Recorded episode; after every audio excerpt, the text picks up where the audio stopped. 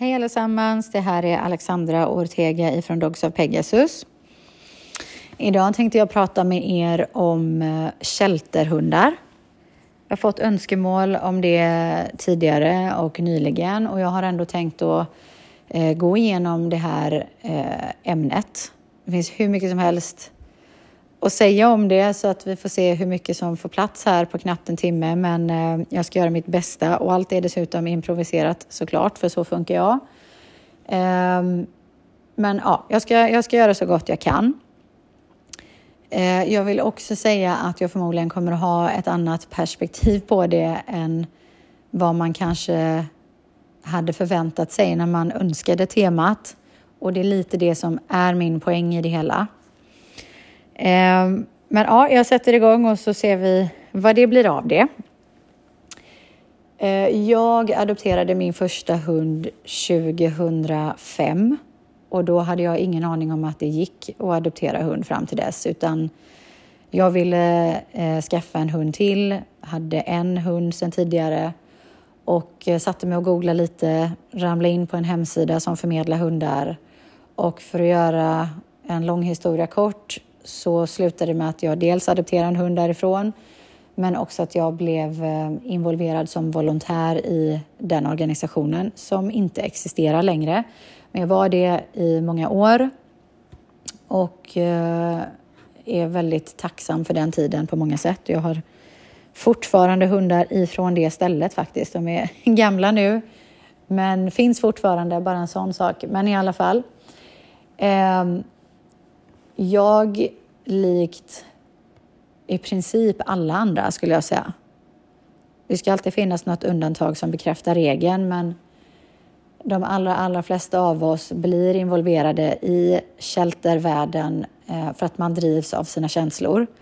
Man upptäcker eh, det här eh, men man upptäcker överpopulationen. Så var det för mig. Jag hade ingen aning om att det fanns ett överskott av hundar. Jag, jag fattade aldrig att det fanns en andrahandsmarknad för en hund. För mig var det helt liksom ofattbart som hade liksom väntat och längtat efter min första hund i hela mitt liv. Eh, det var helt ofattbart för mig att man inte hade kvar den hunden hela livet. Jag hade inte ens reflekterat över det. Så när jag snubblade över det här så var det typ en chock. Det var liksom första känslan. Bara, men vadå, ger folk bort sina hundar liksom?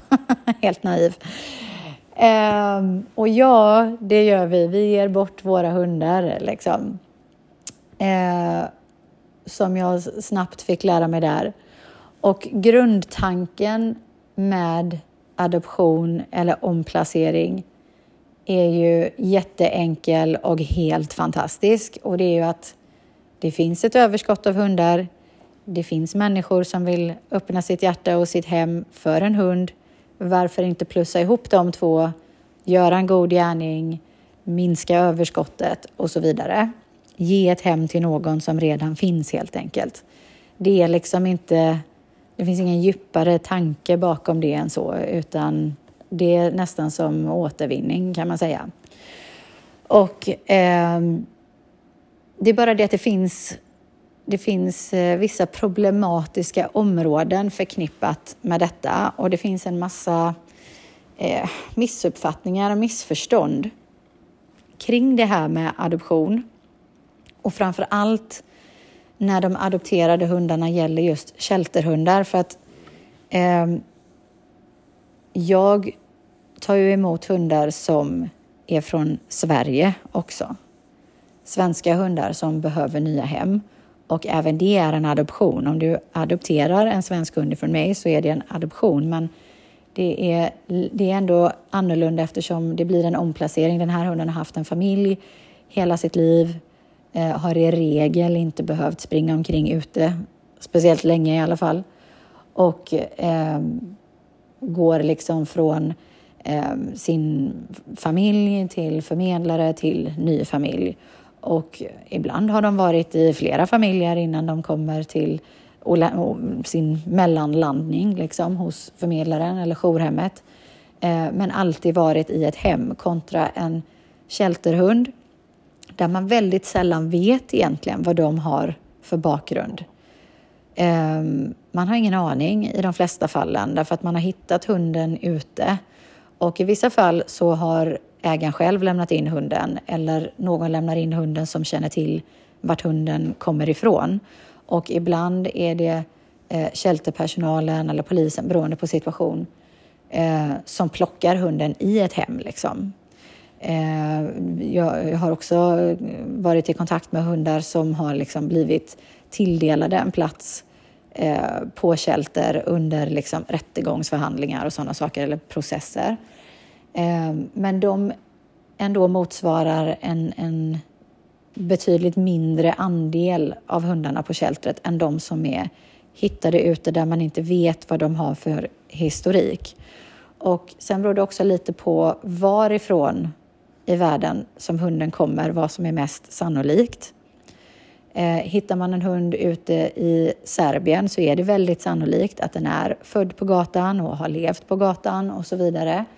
Eh, hittar man en hund ute i modernare delar av Spanien eh, så är det mest sannolikt att den hunden är på rymmen eller har blivit utsläppt av någon avsiktligt. Eh, fast det inte har varit gatuhund i den bemärkelsen, för de har inte hunnit vara ute så länge än.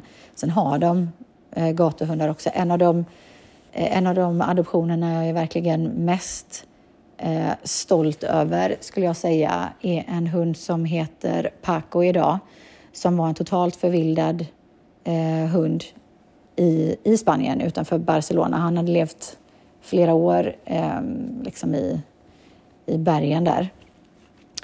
Eh, och är en helt, alltså det går inte, alltså finns det något som heter perfekt hund så är han liksom, slår du upp lexikonet där så är det hans feja du hittar. Eh, han, är, han måste vara så nära idealet det går att komma i princip. Så att eh, det är också en av de här myterna, bara för att grena ut lite här, att man inbillar sig att eh, en hund som inte haft en familj tidigare, in, det går inte att bli liksom sällskapshund av en sån hund. Och så tänker jag så här, okej, okay, eh, jag har också en sån hund som var förvildad sen valp som är den mest följsamma hunden i världshistorien. Liksom. Ehm, och alltså, också så nära det perfekta idealet som det går att komma skulle jag säga. Så att det finns många sådana här myter som folk inte riktigt, för att de inte förstår sig på egentligen psykologin i en hund. Men i alla fall, tillbaka till där jag var. Ehm, så så funkar det att de allra flesta hundarna har man ingen aning om deras bakgrund och en mindre grupp har man ett hum eller känner till ganska precis. Liksom. Och då är det vanligt att folk tänker så här, ja men herregud, borde inte jag vara rädd för en hund som har en okänd bakgrund? Tänk om någon har liksom gjort den här hunden väldigt illa, väldigt länge, varit väldigt brutal mot den här hunden så att hunden liksom ja, men få för sig och liksom, jag vet inte, folk kan vara så himla dramatiska, typ klippa mig i strupen när jag sover eller något sånt där. Alltså så. Eh, och eh, alltså det går inte annat än att liksom typ skrocka åt det när man eh, vet bättre, helt enkelt. För att, som jag har sagt många gånger förut, de absolut mest balanserade hundarna jag kommer i kontakt med ever är hundar som är gatuhundar från början eller bott på shelter långa perioder många gånger etc. etc. Och det finns väldigt konkreta skäl till det. För det första har de inte råkat ut för möjligheten att en människa ska förstöra eh, för dem, förstöra psyket på dem. För att det, det, det är så ironiskt och så arrogant att vi människor tror att om inte vi har haft ett finger med i spelet sedan dag ett, då måste ju hunden vara söndertrasad. Liksom. Och så är det precis tvärtom. Det är liksom så här, ju längre vi inte har haft med hunden att göra, desto mer intakt är psyket. Liksom. Och egentligen är det så här, det är inte för att vi är ute efter att förstöra för våra hundar, utan det är egentligen för att de anledningarna vi har till att skaffa hund idag är framförallt känslomässiga skäl. Liksom. Jag vill ha en hund och det, det, är inte... Det är ganska sällan folk uttrycker sig på det sättet för att vi har ofta så anledningar som ja, men jag valde att skaffa honom nu under pandemin för då är jag ändå hemma. Eller jag valde att skaffa hund nu för jag var sjukskriven då, så jag skulle ändå vara hemma. Eller jag valde att skaffa hund nu för att min hund eh, hade dött och liksom, eh, min föregående hund hade dött och jag hade liksom en plats över eller vad det nu än är för någonting. Det låter praktiskt liksom. När det i själva verket handlar om, jag har typ 15 hål i hjärtat av olika skäl och jag hade tänkt att min hund ska täppa till alla, alla de här hålen i mitt hjärta och liksom eh, göra mig hel. Och snacka om att placera ett enormt ansvar på en annan levande varelse eh, att behöva göra dig den tjänsten. Och eh, där börjar relationen surna och därmed psyket på hunden. Liksom. Och den processen har de här hundarna inte råkat ut för. Så att på det sättet eh, så är de stabila i grunden. Liksom. Och sen är det så här, det är svårt att prata generellt om, om shelterhundar. Man kan göra det i vissa aspekter, men i andra inte, därför att det skiljer så pass mycket eh, ändå från land till land. Och det kan finnas likheter, men beroende på vad man har för hundkultur eller liksom kultur kring hundar generellt i ett land så kommer det att diffa. Eh, I Spanien då, där man ofta har haft hunden sedan den var valp och sen blir den ändå övergiven eller så springer den bort. Och den, det kan hända första gången den springer bort eller tredje gången där ägaren tröttnar. Men Eh, är den chippad och personalen får tag, alltså shelterpersonalen får tag i ägaren eh, så är det ägaren som säger fast jag vill inte betala den där utlämningsavgiften en gång till. Ni kan behålla den här jävla hunden liksom. Eh, och ännu mer ofta så är det så att hunden inte är chippad alls. Och då finns det ingen ägare att hitta och så väntar man sina 21 dagar för det är den tiden som man har på sig att göra anspråk på hunden innan den tillfaller eh, i kältrets ägo. Och i regel så kommer ingen och hämtar hunden. Eh, men den hunden har åtminstone haft kontakt med andra människor och tillhört människor. Sen kan omständigheterna vara väldigt annorlunda, de omständigheterna en sällskapshund har här. För att även om det förändras ganska fort i Spanien, as we speak, liksom, så är det fortfarande vanligt att man inte ens har hunden inomhus. Så att man spenderar inte så mycket tid med sin hund ändå. Utan man skaffade den till ungarna liksom och så tröttnar ungarna och så får hunden bo i trädgården. Och när någon känner för det så går man ut och är med den i några minuter liksom. Eller eh, när man ändå måste mata den eller så. Eh, och det är verkligen inte alltid de går koppelpromenader och så vidare. Eh, så det är ändå annorlunda. De har inte levt som en traditionell sällskapshund gör i Sverige alla gånger. Eh, och det är ännu större skillnad mot en sedvanlig situation i Serbien där i alla fall de vi samarbetar med, där är nästan alla hundar plockade på gatan eh, som valpar eller unghundar och sen en del som vuxna. Liksom. Eh, där man har sett att de är liksom tiker ner där med sina valpar på gatan och har varit där ett tag. Och en, en gatuhund har ofta, också beroende på var man bor vill jag ändå säga här i och för sig, flika in, eh, ett så här lite mer, alltså de är skyggare. De skyr människan mer därför att på ställen där det finns väldigt många gatuhundar eh, så de klassas lite mer eh, ja, men som ohyra nästan. Det är nästan som råttor. Alltså det är så här, de river ut sopor och så blir det skräpigt och så, ja men du vet, kanske de äter upp hönsen hos någon eller sådär. Så att det blir lite som ohyra och så gör folk vad de kan för att bli av med hundarna ifrån sitt närområde och så lär sig hundarna att akta sig för människan etc. etc. Sen finns det väldigt bra exempel på, på hundar i till exempel centrala Moskva. De har en tendens att bo utanför Eh, i utkanterna av städerna men de rör sig inåt mot städerna, mot centrum till och med eh, under dagen och de har slutat, eh, eller pausat i alla fall, eh, jakten för det är inte så mycket att jaga mitt i stan. Däremot har de lärt sig att, nu hittar inte jag ordet för det på svenska som vanligt här, men eh, de har lärt sig att liksom eh, leta efter och hitta mat och lura till sig mat. Så att man har iakttagit många hundar i Moskva till exempel, de har lärt sig eh, trafikljusens innebörd så att de går vid grön gubbe, stannar vid röd gubbe. De har lärt sig ta tunnelbanan så de vet vart de ska eh, stiga på, de vet vart de ska stiga av. Eh, och eh, man har också iakttagit att de har lärt sig vissa eh, scams liksom för att typ eh, få till sig mat. Så att eh, vi säger att det är tre hundar som har en liten flock och så har de gett sig ut på semijakt eller vad vi ska kalla det. Och så är det två hundar som gömmer sig och en annan hund som ställer sig utanför en, en eh, take away restaurang och så kommer någon ut med mat i handen och så eh, skrämmer, kommer de där två hundarna som är bakom hörnet fram, skrämmer den här människan, skäller och skäller och skäller på dem så att de tappar maten eller åtminstone liksom blir ouppmärksamma där ett ögonblick. Och då den tredje hunden stjäl liksom maten från den människan.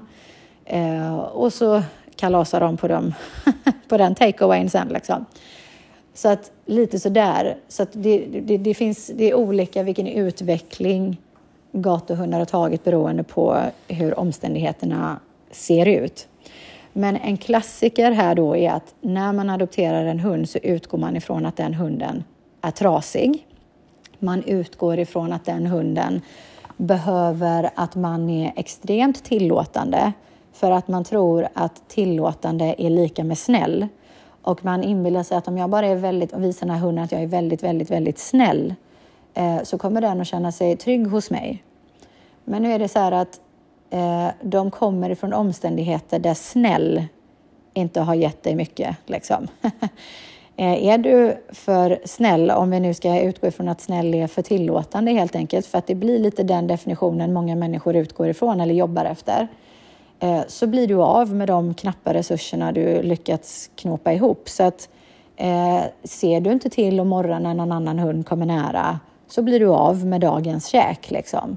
Eller om du inte gläfser ifrån när den andra hunden försöker klämma in sig på din sovplats och du blir utan, så blir du utan. Eh, och så vidare och så vidare. Så att eh, snäll är väl kanske inte det konceptet de letar efter i första taget. De är inte så kräsna just med snäll, utan det är mer så här, om, du bara, om vi tänker så här, de mest skygga hundarna då, som kanske har varit med att folk schasar iväg dem, kastar sten på dem, de får en doja i arslet liksom och det ena med det andra. Att, um, jag, jag, är rätt okej okay om du bara så här, inte sparkar mig nu liksom. Så att eh, konceptet snäll är inte ens någonting som finns i deras det är ingenting de förväntar sig, det är ingenting de i det läget anser att de behöver. Men framför allt, det är ingenting som gör att de känner sig trygga. Om du, är, om du gör in, liksom ger intrycket av att du är en snäll slash eh, för tillåtande person för en hund som har varit med om att anspråk är en av de viktigaste egenskaperna eh, att ha för att kunna överleva överhuvudtaget. Um, så blir det lite så här, okej, okay, så hur hade du tänkt att jag ska vara trygg med dig nu. Du är ju helt gränslös. Du är ju totalt anspråkslös. Om det är någonstans jag kommer bli av med mina resurser så är det ju i sällskap av dig. Liksom. Så att redan där är liksom missuppfattning nummer ett. Att, och så här gör vi egentligen oavsett om vi köper en valp hos en uppfödare eller om vi adopterar en gammal hund ifrån ett eh, rostigt shelter någonstans. Eh, vad, vad de kategorierna människor har gemensamt är att alla vill välkomna sin hund. Alla är väldigt ivriga med att gud vad jag vill välkomna min hund. Liksom jag, min, min högsta prioritet här är att hunden ska känna gud vad jag känner mig varmt välkommen och herregudarna då vad, vad de här, den här familjen har liksom lämnat plats åt mig och åh, jag känner mig så älskad så nu ska jag genast älska dem tillbaka. Liksom. Det är lite den naiva eh, drömmen eller fantasin som folk har. Och så är det så här att när vi snackar shelterhundar då, om vi tar det, om vi håller oss till det temat den här gången. Eh, de har i regel varit med om en lång resa. Det kan vara flyg, det kan vara bil, liksom, buss etc. etc. Eh, och de har flyttat ifrån, även om det är värsta jäkla hellhole till shelter de skulle komma från, eh, så är det det de känner till som sitt hem det är det de känner sig trygga i för att de liksom känner till allting där. De hade sin plats i flocken där, dynamiken flöt på, de hade koll på när de fick mat, det fanns rutiner etc. Det var allt de kände till och det finns ju naturligtvis en trygghet i det. Och så rycker man upp dem därifrån, transporterar dem en sträcka och så ska de landa i ett nytt hem. Och jag vill bara slänga in ett litet PS här nu, slår det mig. Därför att Alltså det är så jävla dumt så att jag, jag, jag, brukar akta mig för att uttrycka mig på det sättet, men jag tänker inte ens göra det den här gången. Ett av liksom argumenten för att ja, men det är klart man inte ska adoptera, det är ju fruktansvärt, är just transporten. Att folk kan säga, ja men klart man inte ska liksom adoptera, de åker så långa transporter, de sitter i trånga burar, de får sitta på flygplatsen många timmar, det brummar i planet så de blir rädda, alltså massa sådana här grejer, grejer liksom. Och så är det så här, du har inte besökt många shelter i ditt liv eller? Därför att om du tror att den resan är det värsta de har varit med om, nummer ett. Och jag fattar inte ens hur det kan vara rimligt för dig att förneka en hund ett helt nytt liv för resten av sitt liv. För att en dag i deras liv skulle vara obekväm. Jag kommer aldrig någonsin så länge jag lever kunna greppa resonemanget bakom ett sånt argument. Alltså det, det är bara så här. Istället är det snarare så att du eh, avslöjar för mig att din agenda är att du bara vill vara anti-adoption och anti-shelterhundar. Inte att du har minsta omtanke eh, om den här jäkla transporten. För att när det kommer till att importera renrasiga hundar, för det gör ju förstås uppfödare, de behöver nytt blod och nya linjer och så vidare Eh, Eh, då är det inga problem, ser du. Då kan man för fasen eh, importera en hund eh, från Tjotahejti om det är så. Det är inte minsta problem med det. Då talas det aldrig om några jävla transporter. Så att eh, jag vill bara förlika in det för att jag nämnde här nu att transporten kan vara jobbig, för det kan den säkert. Varför inte? Det, alltså, den rycks upp från någonting den känner till. Den är på väg in i ovissheten. Den har ingen aning om vad, när, hur. Den kanske aldrig åkt bil liksom. Och så vidare och så vidare. Men ärligt talat, den kommer fram till sitt nya liv från ett hellhole liksom. Det är lugnt. Det är så jävla lugnt. så man behöver inte ens stressa över det. Men i alla fall, tillbaks till temat. Eh, eller tillbaks till tråden där jag var. Så att eh, när man då eh, tar en hund och så har den åkt länge och så vidare. När du får hem din hund, när du träffar din hund, då är den så överväldigad så att det sista den behöver är att du fyller på i hundens bägare med ännu mer intensitet och ännu mer känslor. Så vad vi rekommenderar när vi omplacerar en hund är att man ska hålla sig lite sval, neutral, liksom inte kall på något sätt, liksom inte avvisande på något sätt. Um, men liksom neutral och att det inte är en big deal. Och det, det, är så här, ja, det är kanske är jobbigt för dig när du är förväntansfull och du är liksom eh, excited och bara så här glad och taggad och äntligen liksom. Men det handlar ju inte om dig. Det handlar om din hund som du har skaffat för att du vill ge hunden ett bra liv och det här är liksom steg ett. Tänk på hur hunden eh, behöver bli bemött under sitt första möte med dig. Så där får vi bara snällt ta och eh, åsidosätta våra eh, ha-begär där och tänka mer på eh, vad hunden behöver. Så att en överväldigad hund behöver inte att man kastar sig över den, kramar den, pussar den, eh, hoppar omkring med den, bär på den, eh, Ehm, eh, tjoar och kimmar och liksom babyröst och stirrar i ögonen. Ja, men ni fattar liksom. Utan den behöver att man beter sig som att herregud, det här gör jag liksom hundra gånger i veckan, så det här är verkligen inte en big deal. Så kom nu med mig här så ska vi hoppa in i den här bilen. Det blir jättebra liksom.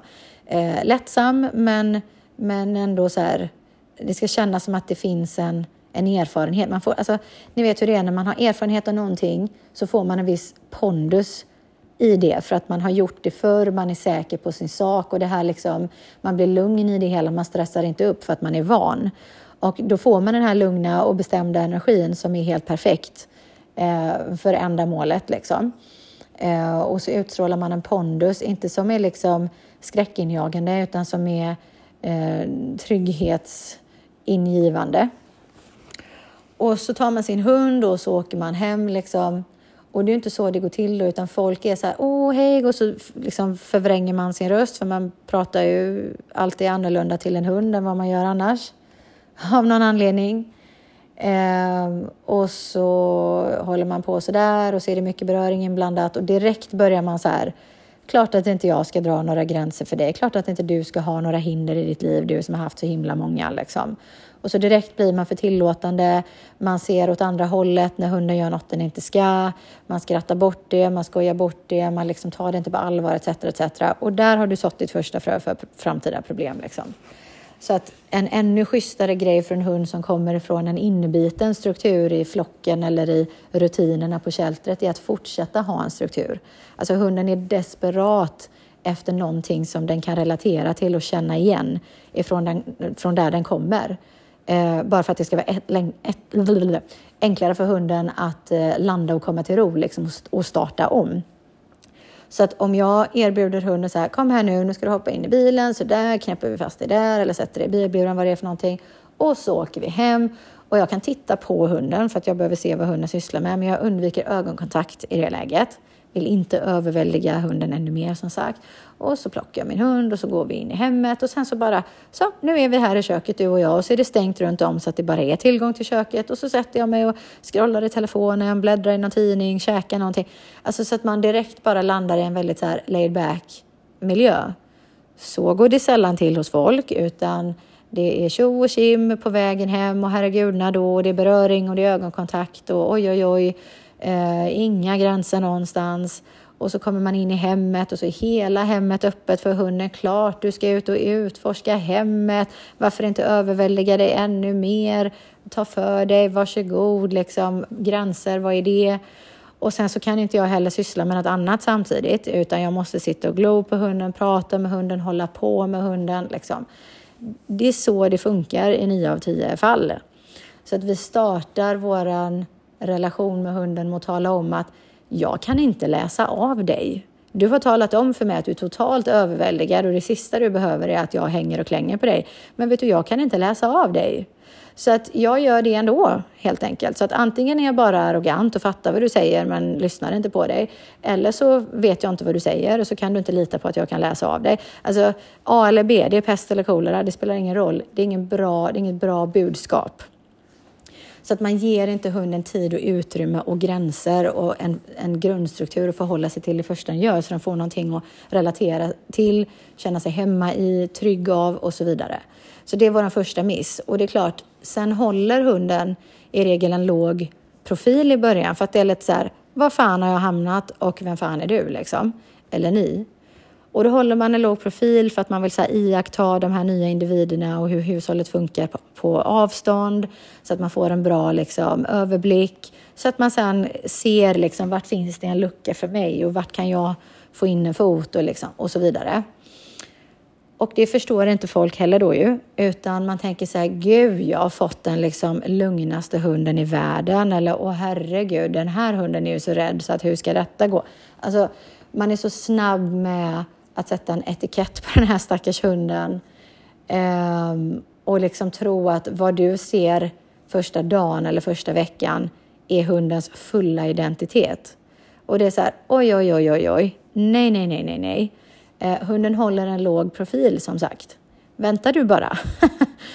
och det som är eh, eh, ännu en positiv aspekt med att implementera en grundstruktur direkt är att man stävjar eventuella eh, svagheter i hundens tidigare beteenderepertoar eller egenskaper i temperamentet och så vidare för att ta plats redan från start.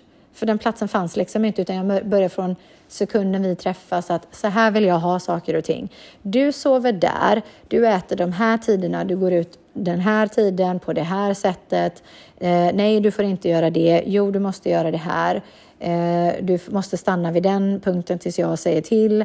Eh, du får hålla på med detta så här länge. Du får lov att bli så här intensiv, men inte så där intensiv. Alltså så. Eh, där kan vi med en gång stävja eventuella brister hos hunden. Liksom.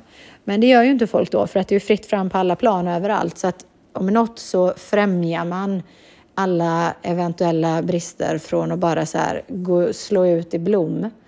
Och inte bara det, vi skapar brister.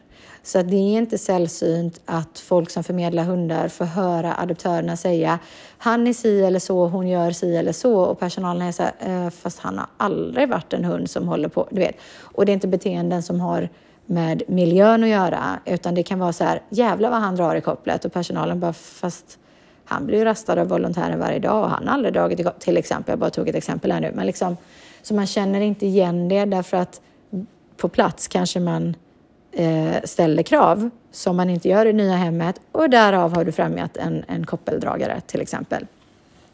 Så att eh, det är det vanligaste och sen tror vi då som sagt att när de här eh, problematiska beteendena börjar eh, visa sig och eh, eskalera då tror vi direkt att aha, nej men detta måste ju bero på att du kommer ifrån ett shelter.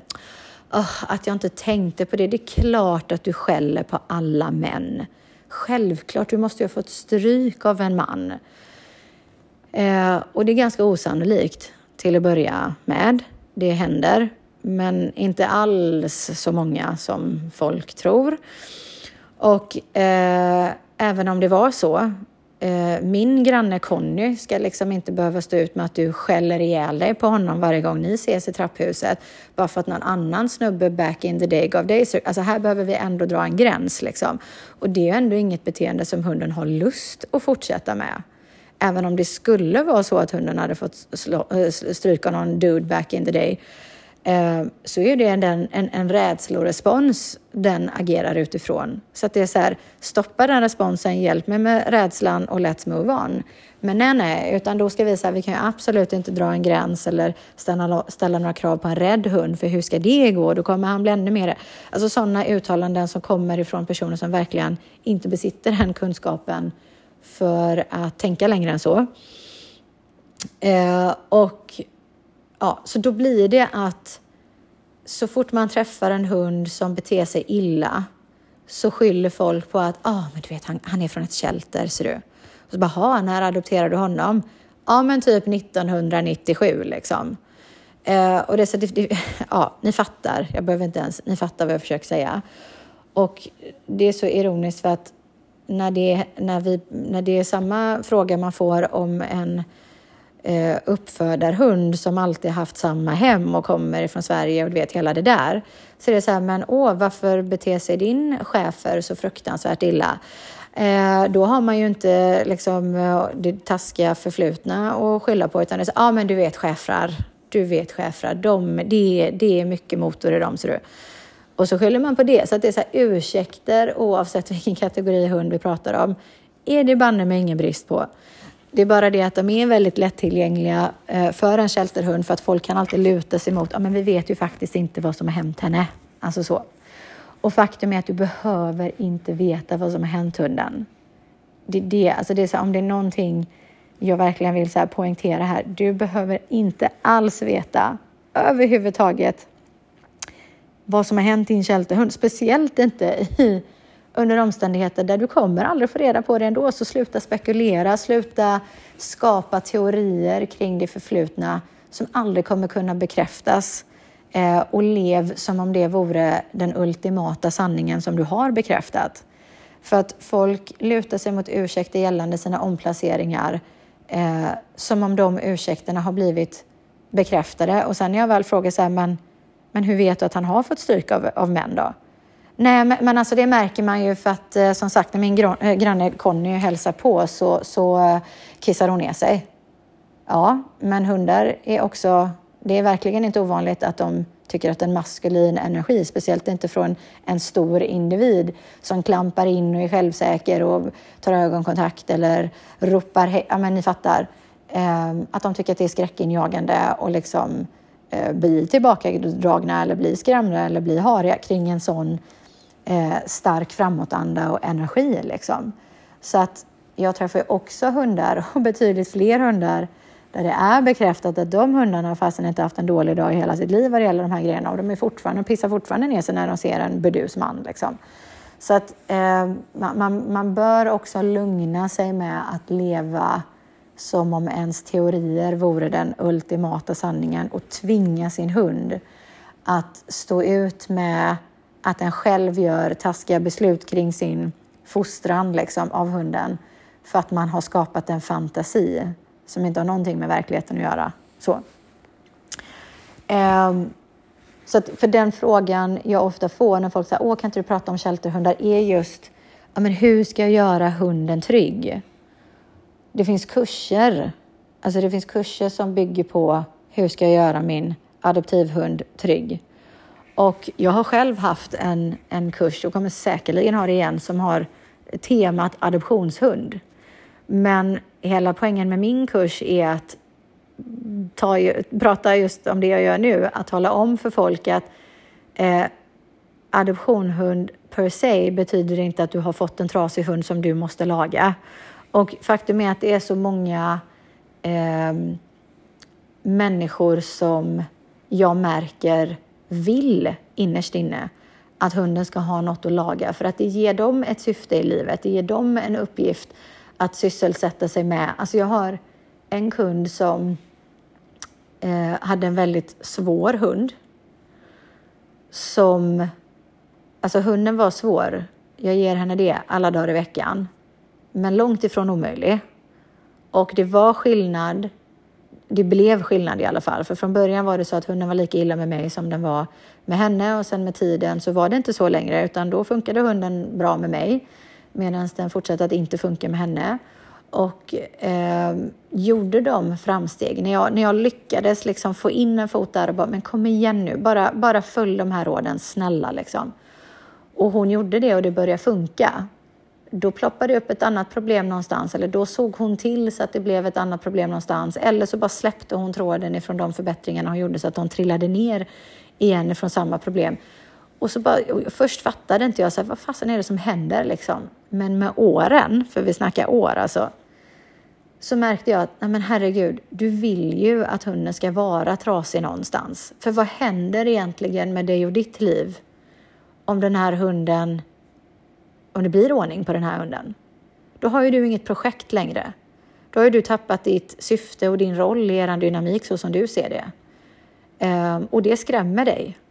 Det här är ju ett projekt för dig. Det här ger dig någonting att leva för och se fram emot och liksom prata med folk om. Och, alltså det finns så många aspekter kring det här som är eh, givande för dig som du inte vill bli av med. Så, så fort du gör framsteg med den här hunden så ser du till att sabba det så att ni inte kommer någon vart så att du kan få stå kvar här och stampa och fortfarande ha en hund för jag märkte också att alla konversationer startade med att ja, men du vet, det här är en hund som jag har räddat och som jag hjälper. Alltså jag förstod att det var eh, så viktigt för den här människan att poängtera att här går jag och gör en insats. Liksom. Och det kommer ju från att man vill hämta värde i sig själv ifrån sina handlingar. Jag försöker bättra min självkänsla via mina goda gärningar liksom. och se om jag kan kamma hem några pluspoäng den vägen eh, som gör mig till en bättre människa. Liksom. Eh, det är bara det att det taskiga blir ju att du håller tillbaks din hund ifrån att må bra på grund av det här. Och det är så djup psykologi, det är så, så många mönster som är inbäddade i detta så att det är svårt att nysta upp. Och jag förklarade detta precis så här för den här människan så att ni vet ju, jag är inte den som liksom undanhåller för sakens skull. Um, och uh, på ett intellektuellt plan, först blev hon skitförbannad, men på ett intellektuellt plan så kunde hon förstå detta. Eh, men på ett känslomässigt plan så tog det fortfarande lång tid innan hon kunde acceptera att så var läget och gå vidare därifrån. Så att eh, det där är inte alls ett ovanligt fenomen kring adoptivhundar för att det som är specifikt för den här kategorin är ju just att de här hundarna behöver bli räddade. Så de har en tendens att attrahera människor som vill rädda och vad de egentligen vill rädda är sig själva. Um, så att det, det, allting bygger på så starka, djupa känslor liksom, eh, som hunden blir en del av. Och så manifesterar man en massa grejer via sin relation till hunden som blir fel. Så att jag tror att när man adopterar hund någonstans, för det finns människor som är så här, ja men eh, jag vill inte ha en valp, liksom. jag vill bara ha en vuxen hund. Så att om du har någon vuxen hund till mig så att jag slipper liksom valpstadiet som funkar med mina förutsättningar så är jag öppen för det. Eh, och så finns det andra människor som är så men det är klart att man ska adoptera, det är ju självklart, alltså så länge det finns hundar som blir över. Så ge mig en hund som är sjuk och ful eller, alltså du vet, eh, liksom har dåliga odds här i livet så ska jag minsann liksom så. Eh, och så bygger ju det på att jag ska rädda dig och vad det ger mig. Eh, här vill jag också påminna om Eh, ja, men för er som inte såg dokumentären om mig för ett par år sedan. En av de sakerna jag ville ta upp där var den här hundpromenaden jag gick med en av mina hundar Silas en gång och så bara... Alltså det, jag tenderar att ha sådana liksom, aha moments när jag går med, med få hundar för att då är man liksom inte lika fokuserad Eh, Eh, på detaljerna kring hur man själv sköter sig för att liksom hålla flocken i ordning utan man går där lite mer så här i, i drömmarnas värld. Och så får jag, kommer jag till sådana här insikter och så bara droppar det som värsta bomben en av våra promenader att ja men ärligt talat, du är ju involverad i detta för att du försöker läka hål i dig också. Och det hade jag redan fattat för länge sedan. Jag visste bara inte vilket hål, jag visste bara inte liksom, vilket sår är det jag ska läka ut. Liksom. Vad är det jag försöker laga här? Och där och då bara slog det mig att liksom, vad orsaken till det var. I mitt fall att jag försökte eh, kompensera för att jag upplevde att jag inte räddade min pappa. Liksom. Och så blev det lite så här att okej, okay, men jag lyckades inte rädda honom så att jag ger dig en chans att rädda de här hundarna istället så kan jag kompensera eh, förlusten eh, jag hade där för många år sedan. Jag kan kompensera, kan gottgöra, eh, det ordet jag försöker hitta här. Jag kan gottgöra att jag misslyckades där, den här vägen. Så även jag, jag skulle vilja säga att typ alla som är involverade i detta kommer in i det här från en känslosam vinkel och jag ser det som vår uppgift om något, själva grunduppgiften är att ta reda på vad är det du försöker kompensera, vad är det du vill gottgöra, vad är det du vill laga? För att ju mer insiktsfull man blir, ju mer man vet om sig själv och varför man gör vad man gör, desto mer kontroll får man över ja, men hur vill jag fortsätta nu då? Nu när jag vet vad som står bakom vad, hur vill jag ändra det här? Så till exempel när jag först insåg, vilket var ännu längre sedan, eh, att jag måste vara involverad i detta för att liksom, ja, men jag försöker kompensera för något eller jag blir känd, jag tycker synd om de här hundarna liksom. Och det ger mig någonting att rädda dem och hjälpa dem och liksom, jag får känna mig bra som har hjälpt dem till ett bättre liv. Alltså så. Bara, bara själva insikten att det var så eh, gjorde mig mer varse om mina mönster kring hundarna, mina beteendemönster, så att jag kunde snygga till de grejerna jag då insåg att jag inte alls var speciellt nöjd med. Och sen då några år senare när bomben droppade om exakt vad det var eh, som låg bakom liksom den, den precisa anledningen där eh, fick jag ännu mer insikter och ännu mer finslip. Liksom. Så att, att bli medveten handlar ju inte om att liksom, eh, peka ut sina brister som, alltså, för att vara taskig mot sig själv eller för att få anledning att racka ner på sig själv, utan det handlar om att bli varse för att eh, ta bättre beslut idag jämfört med igår. Liksom och hela tiden finslipa sig själv och vad man sysslar med. Och jag, jag, vill, jag vill ta tiden och fördjupa mig i just det för att när folk säger till mig hur ska jag göra för att göra min hund trygg och så tittar jag på hunden och bara men din hund är ju inte ens otrygg. Din hund beter sig som otrygg kring dig för att det är någonstans det du förväntar dig att den ska vara och innerst inne önskar att den var så att du kan hjälpa den så att säga. Um, och vara liksom hero of the day. Um, många sådana saker som finns, ja, som ligger på bordet här när det gäller adoptionshundar. Sen är det också så att det finns en massa hundar på shelter som behöver vissa insatser, specifika insatser för att bli hund igen. Alltså hundar som är traumatiserade, hundar som är skräckslagna, hundar som har konstiga beteenden och så vidare. Liksom eh, som det finns bland eh, svenska vad heter det, omplaceringar här också. Eh, jag ser också en skillnad eh, i, eh, i de olika länderna. Jag kan... Eh, alltså jag kan se... Jag, jag vill inte... Jag, jag, känner att jag har för få minuter kvar i avsnittet för att uttala mig på vissa sätt utan att hinna förtydliga exakt vad jag menar så att det inte blir missförstånd eh, innan det tar slut. Så att jag får bara passa mina ord här nu känner jag. Men det finns vissa jag märker skillnaden mellan länderna som jag sa förut och jag kan se att rädda hundar, jag ser en överrepresentation av just rädda hundar eller skygga hundar ifrån vissa länder och överexalterade arroganta hundar, eh, dominanta hundar från andra länder, alltså lite så. Eh, de mest obalanserade omplaceringarna jag någonsin träffat som kräver eh, flest resurser, eh, mest eh, liksom eh, eh, mest kompetens längst tid, det är de svenska hundarna utan tvekan. Herregud, när då? Det tar mig liksom i alla fall ett år att hitta ett hem åt de svenska hundarna medan det kan ta mig liksom... Alltså jag har ju liksom kö av folk som är så här, ge mig en bra hund. Ja, då lär det inte vara en av de svenska. och det är inte för att svenska hundar är dåliga, utan det är som sagt, här har människans inblandning tagit ut sin rätt på de här stackars hundarna.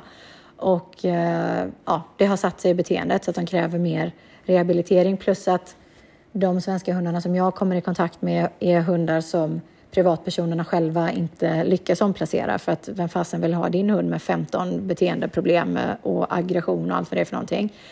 Eller um, ja, du blir inte av med hunden liksom. Alltså du blir inte av med hunden eller du får tillbaka hunden eller du vågar inte ge hunden till någon för hur ska det gå? Alltså så. Um, vilket jag inte alls ser. Alltså på ett shelter med 200 hundar kanske det är fem hundar eh, som har funnits där i hundra år som inte är en hund man sätter var som helst. Liksom. Alltså så, tio om vi ska ta i. Liksom. Så jag fattar att tanken med det, här, med det här avsnittet från folk som bad mig göra det var att, ja men som sagt, kan inte du prata om hur man hjälper en adoptionshund att bli trygg. Men som jag sa från allra första början, jag vill snarare komma, komma in i det här temat från en annan vinkel, åtminstone i del 1, om det här nu ska vara en del 1. Att eh, stopp och belägg här nu, vänta lite. Varför ens utgå ifrån att en adoptionshund behöver den typen av resurser? Jag kan prata om det också för att det gör det ibland, men min första poäng ska vara just det, långt ifrån alla. Eh, få egentligen eh, behöver de resurserna. Och jag vill också säga till förmedlare att om du upplever att hmm, jag känner inte riktigt igen mig i den bilden eh, för att 98 procent av hundarna jag förmedlar är kaosiga, liksom. Eh, då ska du nog, nog ta dig en titt på hundarna du förmedlar och komma ihåg att alltså vanliga svenssons ska kunna göra ett bra jobb av de här hundarna. Och eh, om du placerar en hund som behöver eh, expertkompetens så hoppas jag att du placerar den hunden i ett hem där man fattar först och främst att det är så. För när jag sen har de här hundarna under en konsultation med sina ägare så säger folk i regel till mig, jag har ingen aning om att hunden var av den här kalibern. Det var inte alls den informationen jag fick. Eh, det, man nämnde det lite så här i farten eller man tonade ner det betydligt. Liksom det var inte alls den här kalibern av problem som vi väntade oss eller var beredda på eller eh, ville ha. Och det är inte adoptörens fel utan det är förmedlarens ansvar att liksom förmedla rätt bild av hunden. Så att först och främst ska adoptören fatta vad det är den ger sig in på. Eh, adoptören ska ha råd med eh, experthjälpen som krävs och de ska ha ett engagemang som sträcker sig över en lång period. Och sen de praktiska för, eh, förutsättningarna, liksom. vilken miljö man lever i, och vilken familj man har och så vidare, tidigare erfarenhet eller egenskaper etc. etc. Alltså ge en hund som redan är reaktiv till en konflikträdd människa som kommer att skämmas ögonen ur sig varje gång hunden reagerar minsta lilla. Ingen bra kombo. Liksom. Sätta en som, en som ringde mig häromdagen, sätta en, en livrädd hund i en familj mitt i centrala stan med barn som tar hem kompisar, inte en bra matchning. Liksom. Så att eh, ja, det där är förmedlarens jobb att göra. Adoptörens eller intressentens vid det laget intressentens uppgift är att vara så tydlig, brutalt ärlig som den människan kan vara om vem är jag, vem är mina eventuella familjemedlemmar, eh, djur som människor liksom. Eh, hur mycket tid har jag, hur mycket liksom, hur lever jag, etc. etc. Och sen så ska förmedlaren känna till eh, hunden de är på väg att förmedla också. För att ofta går det till så att förmedlaren här i Sverige har aldrig ens träffat hunden de förmedlar utan de går på andrahandsinformation, ibland tredjehands, fjärdehands. Det är förskräckligt. Liksom. Det, redan där blir det väldigt oklart vad det är för hund faktiskt får. Um, och um, det är inte meningen och det är när det går till på det sättet som folk får anledning att säga adoptera inte för du vet inte vad du får. Medan jag står här och menar på att det är klart du ska adoptera. Du vet precis vad du får. Men det säger jag ju för att jag lämnar med mig den informationen till adoptörerna och mina kollegor eh, lämnar med den informationen till adoptörerna. Men jag vet också att det inte alltid funkar så. Och det är så synd att Eh, för det är inte alltid oseriöst för att man inte bryr sig utan det blir oseriöst för att man inte besitter den kompetensen och man involverade sig i detta för att man var känslosam och naiv trodde att hunden blir räddad om den flyttas från A till B. Och så inser man inte att fast när den har landat på B så måste det bli bra på B för att man ska kunna kalla det att hunden verkligen blev räddad. Liksom. Um, så att man, man, man, om man sitter där och bara känner sig gud som förmedlare då att jag får tillbaka jättemånga hundar, folk löser inte riktigt de hundarna, eh, de rymmer hela tiden eller fasen det ena med det andra liksom. Man är inte nöjd över läget istället för att bara vara förbannad på adoptörerna, att adoptörerna misslyckas hela tiden. Om du märker att detta sätts i system och att det leder till stora problem, eh, då ska du nog se över vilken typ av hund du väljer att placera ut. Och jag vet att det på vissa shelter är så att de allra flesta hundarna är rädda eh, för att liksom, och det behöver inte vara rädda som individer, utan de är rädda för världen för att de inte har levt eh, i en sån miljö. Liksom. Och då behöver egentligen den hunden tid och vana med en stabil individ. Men får den inte det så kommer den att fortsätta bete sig på det sättet. Och jag fattar att ibland är det på vissa ställen en, en överrepresentation av den typen. Men det är väldigt kortsiktigt tänk att känna liksom, okej, okay, men jag hjälper de här hundarna ändå och flyttar på dem ändå. Eh, för att just den här individen måste komma ut. Absolut, men vad händer i förlängningen om det är den typen av hund som får vara ansiktet utåt för konceptet adoption? Eh, då bidrar det i allra högsta grad till att det här alternativet är högst oattraktivt om några år. Och det vill vi ju ändra på. Liksom. Eh, och som adoptör eller intressent innan man har fått sin hund Eh, förutom att man ska vara brutalt ärlig med vad man absolut inte kan tänka sig, vad man önskar i allra högsta grad, liksom, vad är en dealbreaker och så vidare. Eh, vad har du för filosofi? För att de olika föreningarna, ska ändå ärligt säga, de flesta föreningarna har samma filosofi och, och den jag är med och driver är snarare outsidern här då. Men så är det ju i mitt yrkesliv också. Eh, men bara så här, liksom, rimma den filosofin för dig. Alltså för att när du behöver hjälp, om du behöver hjälp, så vill du kunna vända dig till någon som besitter kunskapen du behöver eh, och kan ge dig de råden som kommer att hjälpa er och liksom, ja, hjälpa er på traven och, och skicka iväg er i, i rätt riktning. Liksom. Inte någon som sen när du vänder dig dit så svarar de inte eller liksom, de kan inte hjälpa dig eller de har ingen aning. Alltså så. Det finns inga, inga kunskapsresurser att tala om. Liksom. Eller saken, råden du får bara känner du direkt. Alltså det här är ingenting jag kommer göra. Och det säger jag ändå även för min förening. Om, om du får jättegärna eh, fråga oss om hur vi jobbar och vad vi står för och så vidare. Och passar det inte dig så är jag mer än glad att det inte blev en adoption i det här läget för att ett, ett ömsesidigt förtroende är verkligen A och O. Liksom. Med betoning på ömsesidigt. Det måste gå åt båda hållen för att det ska bli någonting. Ehm, så det är också någonting att ha i åtanke. Liksom. Så att det händer ofta att folk hör av sig till oss och bara vi vill adoptera en hund.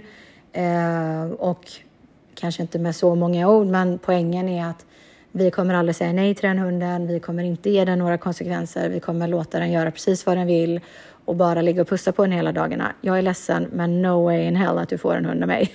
det är liksom, alltså så. Och det är väl lika bra att man eh, gör upp om det direkt, tänker jag, istället för att det är så här när de sen, om de skulle behöva hjälp och be mig om råd och jag säger någonting som de aldrig kommer få för sig att göra så har vi ett problem här. Liksom. Ja.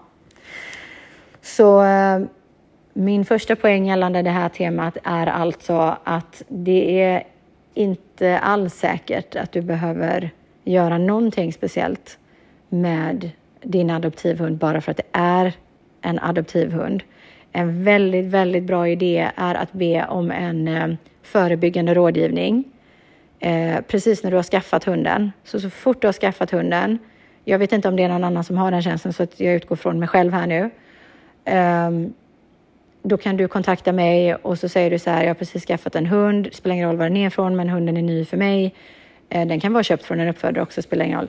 Eh, jag vill veta vad du ser i den här hunden. Vad har den här hunden för temperament? Vad ser du för styrkor? Vad ser du för svagheter? Och vad ser du i mig? Och vad, liksom, vad kan vara potentiella liksom, eh, fallgropar för oss? Och hur, hur tar vi oss förbi det? Hur, hur kan vi undvika det? Och så vidare. Så att man får ett blueprint att utgå ifrån från början. Det är så jäkla bra investering. Eh, och så dyrt är det inte. Så att det är så här, har du skaffat en hund så får du ha råd med det liksom. Eh, och sen eh, om det redan är så att man direkt upplever att okej, okay, det, här, det här känns lite övermäktigt.